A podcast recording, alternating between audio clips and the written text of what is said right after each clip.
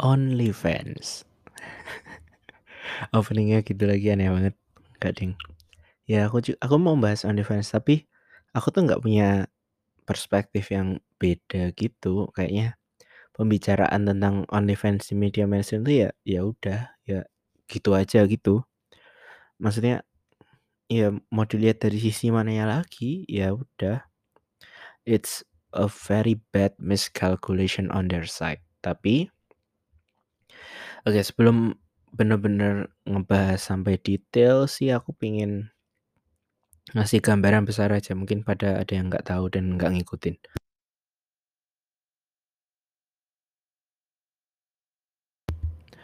Jadi, eee OnlyFans itu kan, eee, platform sebenarnya itu platform to support creators gitu kan. Kayak Patreon, kayak Saweria, mungkin nggak kayak Saweria, aku tuh nggak tahu deh Saweria tuh kayak bisa nge-post eksklusif konten gitu apa enggak sih atau cuma buat nyawer doang gitu. Pokoknya, eee, kayak YouTube Premium, eh, kayak YouTube yang langganan yang join itu loh. Ya kayak gitu. So, you paid, eee, to subscribe to an exclusive content of the people that you like or the creators that you like. Tapi, eee, emang it's a growing business in every in every country, in every, eee, media, it's a growing business tuh. Emang orang-orang yang punya identity yang kuat, emang, eee, they know they cannot live from the masses dari AdSense gitu. They cannot live from that karena yang mereka tawarkan ke masyarakat is a very specific eee, topics gitu. Jadi, eee, emang misalnya if you review or if you promote, eee, jam-jam mahal atau jam-jam kayak Rolex gitu, mungkin, eee, kalau Rolex gitu masih ada peminat pasarnya ya, orang-orang yang pingin gitu. Tapi mungkin a very specific brand kayak, eee, Patek Philippe or something higher than that. Makanya kan, eee, orang-orang kayak gini kan yang nggak nggak pun nggak target masanya emang bukan orang-orang umum yang kalau misalkan semua orang the price per head itu dihitung rata, ya they cannot live from that. Padahal kan, eee, seharusnya advertisement juga ngukur, eee, di apa ya, maksudnya orang-orang followers-nya tuh punya kemampuan beli atau enggak. Soalnya, eee, even though engagement dan kayak, eee, brand awareness itu penting, tapi kan at the end of the day kalau kamu jualan barang ya what counts is sales gitu. Eee, either either direct sales or indirect sales kan. Tapi what counts for the profit is sales, bukan, eee, beda kayak misalnya influencer atau media company gitu. Makanya eee, muncullah nih kan, eee, mungkin, eee, awalnya dari States ya, dari US dulu yang kayak, eee, Patreon dan lain-lain tuh udah mulai muncul. Terus, eee, to compete with, eee, that's that kind of platform yang udah punya base duluan, yang emang udah punya creators. Oh by the way, eee, I believe that, eee, media is as strong as its creators gitu. Jadi why YouTube is strong ya karena mereka berhasil narik creators-creators yang bagus untuk bisa bikin konten di dalam eee, ekosistemnya mereka. That's why I think Spotify is far better than Joox or Noise or, eee, any other audio platform. Eee, ya karena, eee, not only for their songs, eee, soalnya dulu aku ingat kan kayak Joox and Spotify is head to head, eee, on the kayak orang-orang yang mau subscribe ke mana dan karena apa. Eee, maksudnya lagunya mirip-mirip, harganya mungkin mirip-mirip, tapi then what makes mungkin it's just me, tapi what makes Spotify stand out for me at least is that I can hear uh, exclusive podcast which Spotify paid. Uh, maksudnya exclusive podcast is ya emang Spotify bayar orang ini cuma biar ada di platformnya dia. That is why uh, sekarang menurutku ya one of the top uh, app for streaming music and podcast ya Spotify. Uh, not only because of their ecosystem or their uh, app itself kayak uh, their design and UI-nya dan lain-lain. But I think it's also for their contents. Itu yang menurutku bikin mahal. It seems like Netflix dan Amazon Prime, tapi there are more competition kayak Disney Hot Plus. There are more competition on content di uh, streaming services kayak gitu. Soalnya kayak misalnya uh, Netflix and Amazon Prime, Hulu dan lain-lain, uh, the movies are uh, ada movie-movie yang general yang uh, mungkin di platform ini ada, di platform ini juga ada, gitu-gitu. Tapi uh, at the end of the day, they are fighting for their exclusive content kan. Kayak di Disney, uh, Disney Plus Hotstar, maybe uh, some of you pernah langganan karena kalian langganan Telkomsel. karena aku aku juga gitu sih kayak karena langganan Telkomsel ya udah sekalian nonton. So ya karena I have a very limited budget makanya I suspend my Netflix dulu nonton Disney dulu kalau lagi nggak langganan baru uh, langganan Netflix. Uh, tapi ya at the end of the day mereka udah kayak production house sendiri kan. Makanya there are many Netflix originals dan uh, it's very specific. Hmm, pokoknya uh, kemarin aku dengerin interviewnya siapa. Siapa sih nama saudaranya? Jadi ada sutradara terkenal uh, that makes action movies yang menurut critics itu jelek. Nah, uh, action style gitu. Tapi action style ini tuh unik banget kepada sutradara ini. So the brand name uh, kayak uh, misalnya kalian nonton John Wick, then the action scenes are very John Wick. Atau kalian nonton uh, apa sih yang aksi itu yang uh, aduh aku ngeblank. Pokoknya there are movies yang uh, certain aspect is very that movie dan ada uh, certain uh, sutradara yang emang very uh, punya identity yang kuat. Nah, uh, jadi uh, review filmnya jelek dan uh, orang-orang juga banyak yang nggak suka. Tapi uh, from Netflix data ada banyak orang-orang yang baru subscribe ke Netflix because of this new movie that he directs gitu. Ya for Netflix at the end is is for uh, at the end is for sales kan. Yang berarti uh, Netflix mau ngasih bayaran. Pokoknya kontroversinya itu uh, ada dua movie yang sama-sama bagus. Yang satu tuh uh, What People Really Like, uh, tapi nggak dibikin uh, sequelnya. Yang satunya tuh What Critics Hate, What Most People Hates, tapi dibikin sequelnya sama Netflix. Ternyata alasannya ya karena from data yang film yang mau dibikin sequelnya ini ya narik customer baru ke Netflix yang enjoy movie ya emang udah uh, langganan Netflix dari lama. So ya yeah, that's why uh, akhirnya Netflix mem memperpanjang yang ini. So in in marketing uh, logically it's it's very logical kan. Uh, dan contoh lagi misalnya kemarin aku langganan Amazon Prime Cuma gara-gara apa? Karena I miss watching Top Gear. Uh, dulu kan di BBC kan, uh, Jeremy Clarkson, Richard Hammond, and James May. Uh, they talk about aut automotive tapi in a fun comedic way, and this comedic trio is just amazing. I miss them, I miss watching them. Terus ada uh, I'm watching ini kayak udah tahun lalu deh kayaknya.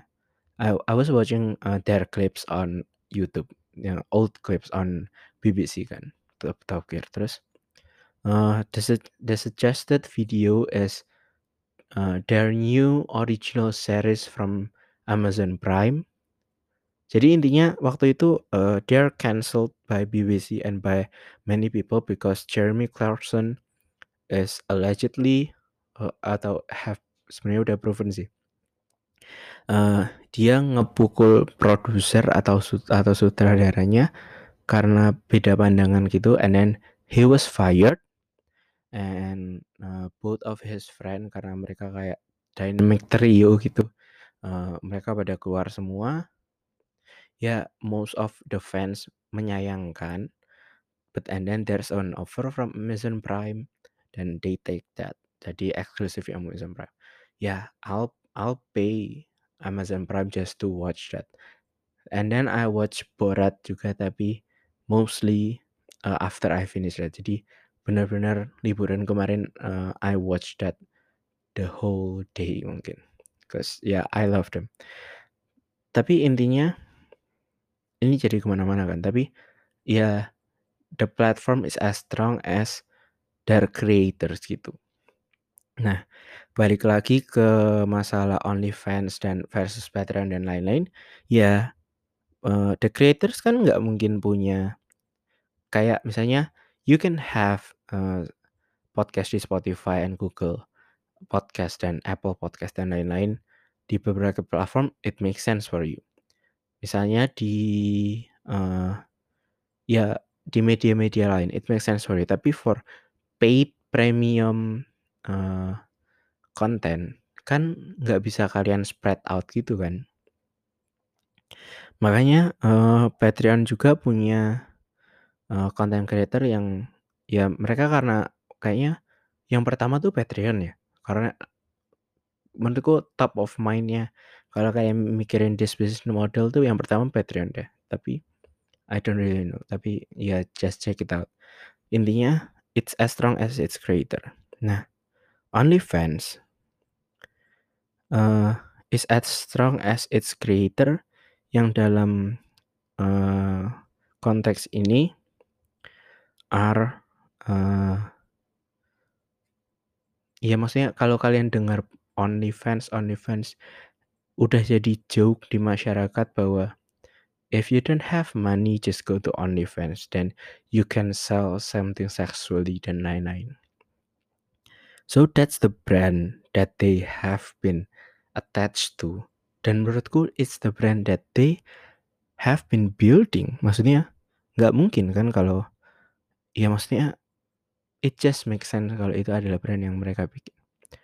Terus itu kan at the point dari, eee, 0 0 kalau kalau di mobil tuh 0 ke 100 itu one thing, terus 100 ke top speed tuh another thing gitu. Kil eee, kilometer per jam ya, kan ngukurnya gitu kan. Kalau miles per hour kan 0 sampai s 60, terus 60 sampai top speed. Itu kan cara cara ngukurnya dan hal yang harus difokusin tuh beda. Acceleration-nya harus fokus di mana tuh beda, eee, kualitasnya di mana-mana tuh beda, mmm. Sama kayak, eee, ini very political HI tapi sama kayak China, they are successful di, eee, 0 sampai 100-nya itu adalah eradicating poverty. Tapi dari 100 ke top speed-nya untuk, eee, uprising middle income dan high income-nya nggak bisa pakai rumus yang sama dengan eee, 0 ke 100-nya, yaitu eradicating poverty. Harus harus ada hal baru gitu loh, ada harus ada konsep baru, harus ada tujuan baru. Sama kayak OnlyFans, they have reached to the point yang, eee, because, eee, kalau kalau ada udah jadi top of mind people, udah jadi meme, udah jadi joke, it's very hard for a brand name to have kayak a joke about them yang benar-benar culturally, eee, impactful. Misalnya Aqua.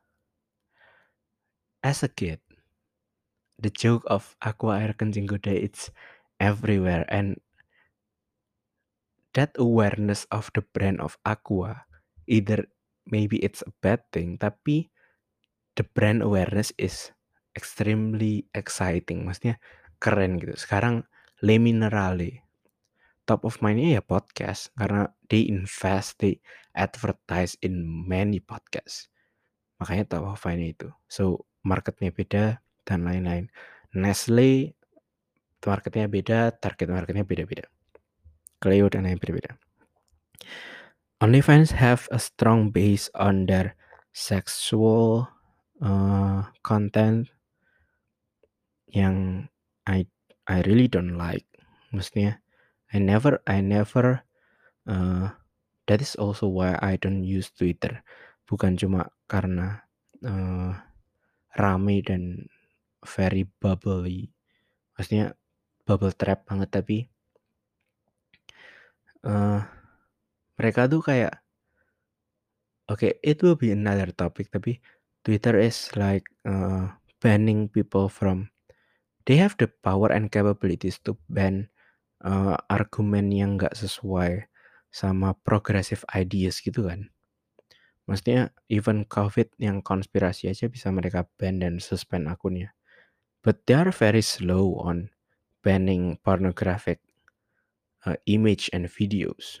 And I was just questioning why. Uh, and on defense itu sebenarnya kan juga they have reached to the point di mana uh, mungkin capital mereka udah banyak, uh, growth mereka udah lumayan. Uh, creator-nya tambah banyak, berarti uh, juga uh, creator tambah banyak, jadi top of mind masyarakat, uh, mass-nya jadi banyak, masanya jadi banyak. So then I think it's very logical for them to kayak uh, step up gitu, to scale up gitu. Ya scale up berarti kan misalnya uh, having an app on Play Store itu kan uh, atau app App Store App Store yang lain gitu. It's a big step gitu karena it's become mainstream. Tapi berarti kan ada syaratnya kan. Of course Google would not promote uh, a pornographic based application even though they still promote Twitter somehow which doesn't really ya mereka kayak ngehapus-hapusin pornographic images tapi it's not even ini tapi kalau OnlyFans kan karena jadi top of mindnya masyarakat mereka harus ngehapus konten-konten itu semua. I don't know what uh, the executive have in mind. Mungkin mereka pingin follow uh, Twitter's uh, jejaknya Twitter gitu. But it doesn't work that way. Uh, dengan publicly announcing that you are banning any pornographic uh, pictures or videos. Oh, by the way, I don't have anything to, I don't have anything against uh, sexual workers. Maksudnya, I, I, I'm sorry, I don't know the right word. Kalau ada uh, politically correct word buat uh, sexual workers apa, uh, tapi uh, I don't have anything against them. It's just ya aku nggak suka aja gitu. Uh, and that is why uh, kalau uh, OnlyFans ngehapus eh dan uh, sexual workers itu kan ya kayak workers kayak biasanya aja mereka juga punya union kan. In a way or another maksudnya mereka knows each other. Uh, jadi uh, kalau ada inequality dalam tanda kutip atau apa pun against them ya mereka fight back as a unity gitu it's it's just natural human gitu. And it's just a wrong step for OnlyFans mungkin. Ya you are erasing your identity as people's top mind. What do you think will happen? Aku tuh nggak tahu ada datanya kayak uh, how many creators di OnlyFans yang uh, pornographic base atau music base atau apa. Mungkin it's kinda even ya. Hmm, pasti soalnya di luar negeri itu OnlyFans tuh emang uh, ada ad, uh, nggak nggak terlalu ke arah itu tapi karena memperbolehkan jadi it's a choice gitu loh. Tapi kalau di Indonesia kan OnlyFans equals to gitu loh. Uh, kalau di orang luar negeri itu masih ngelihat gitu loh. Oh ini ini ada ininya juga kayak ada ada Patreon sisinya juga ada creators yang beneran juga gitu-gitu. But now they uh, pull back their statement. Tapi kan nah these people has already heard maksudnya they feel like they are left behind. Uh, tiba-tiba it's it's just a very bad calculation for them kan. Makanya uh, at the end of the day yeah, I don't know how OnlyFans will last. Soalnya I know they mereka tuh udah, udah sampai di 100 udah mereka terpaksa harus scale up gitu. Tapi uh, ya nggak bisa scale up karena they still have pornographic image kan. Uh, dan it's a choice for them uh, untuk uh, scale up atau enggak from business perspective it's a very bad decision kan? So sampai akhirnya ditarik lagi ya in in which will not help gitu. People has already flee their platform. Udah udah pada nggak make platform itu lagi karena the trust karena it's very hard tuh kayak orang-orang tuh platform and their creators tuh harus kayak sejalan gitu. Ya karena yang aku bilang di awal kan the platform is as strong as its creators. Yeah. but I don't know. Maksudnya I know that you cannot ban like pornographic uh, image and videos gitu. Uh, it will be always there. It will be at the internet. Tapi ya the enforcement of having those in uh, pornographic image and videos to not go mainstream itu jadi penting juga dong maksudnya I I don't want to scroll on Instagram and find pictures that I don't want to gitu. Maksudnya it's going to be weird gitu. Maksudnya uh, for mainstream platform itu tetap harus ngejaga lah.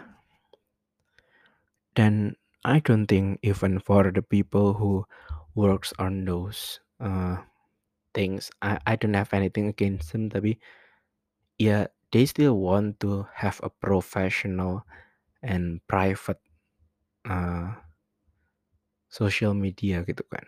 Maksudnya uh, mereka juga pasti nggak mau kayak uh, platformnya terlalu social and everyone knows who they are and their family members or their friend their friends uh, bisa tahu what they do on social media.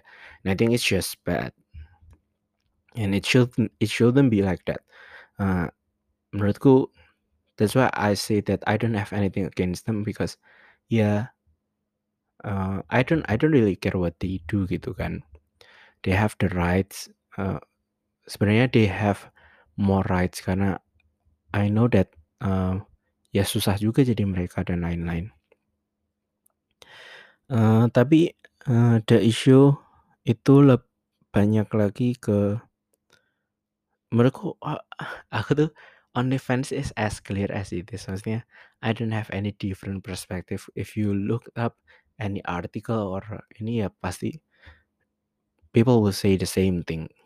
Hmm, tapi, uh, let's about let's just talk about Twitter for a while. Uh sebenarnya why I talk about Twitter so much, maksudnya because kalau kalau mereka mereka kalau the people who are posting the sexual content only shows like their own like their own sexual content yang emang mereka punya uh, rights to that and they have the consent of every people in it I think that's fine. It's up to you. Maksudnya, ya I will I will just not use Twitter, but I will not criticize them for anything gitu. Uh, tapi enforcementnya buat uh, ini kan nggak ada buat uh, the people who actually are the victims. there kan. Dan aku yakin like banyak banget video-video yang viral which I don't watch tapi uh, banyak banget video yang viral kan it's not with the consent of the people in it. Uh, and it is it was shared so easily tanpa ada restriction apa-apa. Which social media lain tuh bisa loh ngeblok, like YouTube or Instagram. Uh, tapi for some reason Twitter just ignore them. Uh, padahal the protection for the victims of kayak uh, orang-orang yang hmm, doesn't give consent dan their their names and their reputation and their social status are on the line Ya, at least kalau algoritmnya emang ngehalau hal-hal ini for further, uh, shared gitu dan menyebar lebih luas, ya it will be lebih lebih gampang kan for the untuk hak korbannya juga. Uh, I don't know, karena I think if if you think this makes sense, just please tell me. Tapi a class action lawsuit against Twitter untuk nggak memenuhi hak korban untuk video-video kayak gitu, I think it's logical. Kayak your platform helps people spreading the video or photo that I do not consent with. Yeah, I will sue you because uh, your your platform also benefits from them kan ya kan? Ya I think it just makes sense. Tapi ya. Menurutmu menurutku revenge porn is just annoying and it's just pure evil. And from all kejahatan yang orang-orang lakuin I think this one is kayak soalnya nggak nggak ada kejahatan lain yang victimnya jadi namanya jadi jelek gitu. Maksudnya ya makanya I don't really care about like corruptor soalnya sejelek-jeleknya nama mereka ya udah mentok-mentok di situ tapi these are the victims gitu. The people that should be protected tapi orang-orang malah share the video and your platform, your social media actually benefits from them, nggak punya consent, nggak punya ini, and that is what what actually matters kan. Uh, I don't know if you really say that uh, Twitter is a progressive social media uh, and talks about uh, every month uh, put a pride flag besides their account name and change their colors. Tapi uh, they still let the uh, let this kind of behavior to still exist on their side I just think it's disgusting. Karena if gini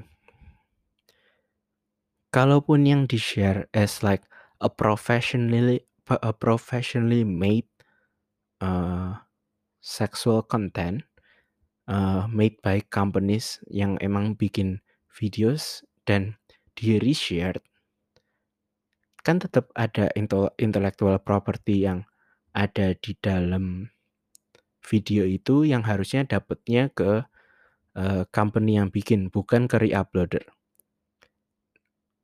if you if Twitter wants to go that way that's fine for me. Tapi yang aku masalahin kan yang orang-orang ini yang revenge porn yang nggak punya konsen yang tiba-tiba viral yang namanya jadi hilang gara-gara ini. I think that is the problem sih.